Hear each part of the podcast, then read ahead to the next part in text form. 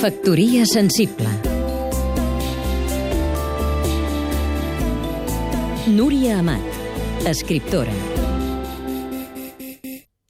Dormo amb llibres.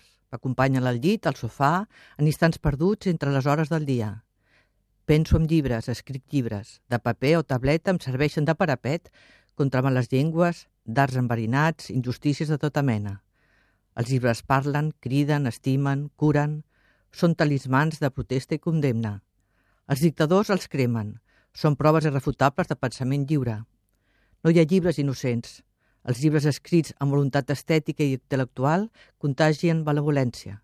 Polítics sense escrúpols, banquers iconoclastes, empresaris imprudents, llegeixen bons llibres? El llibre ha caigut en el parany de l'escombraria mediàtica i avui en dia l'objecte llibre és utilitzat com a passaport de celebració de la imatge pública.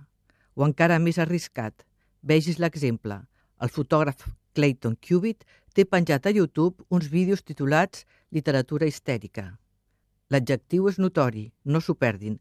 Dones llegint llibres mentre gaudeixen sexualment de la lectura. Molesta que hi hagin més lectores que lectors?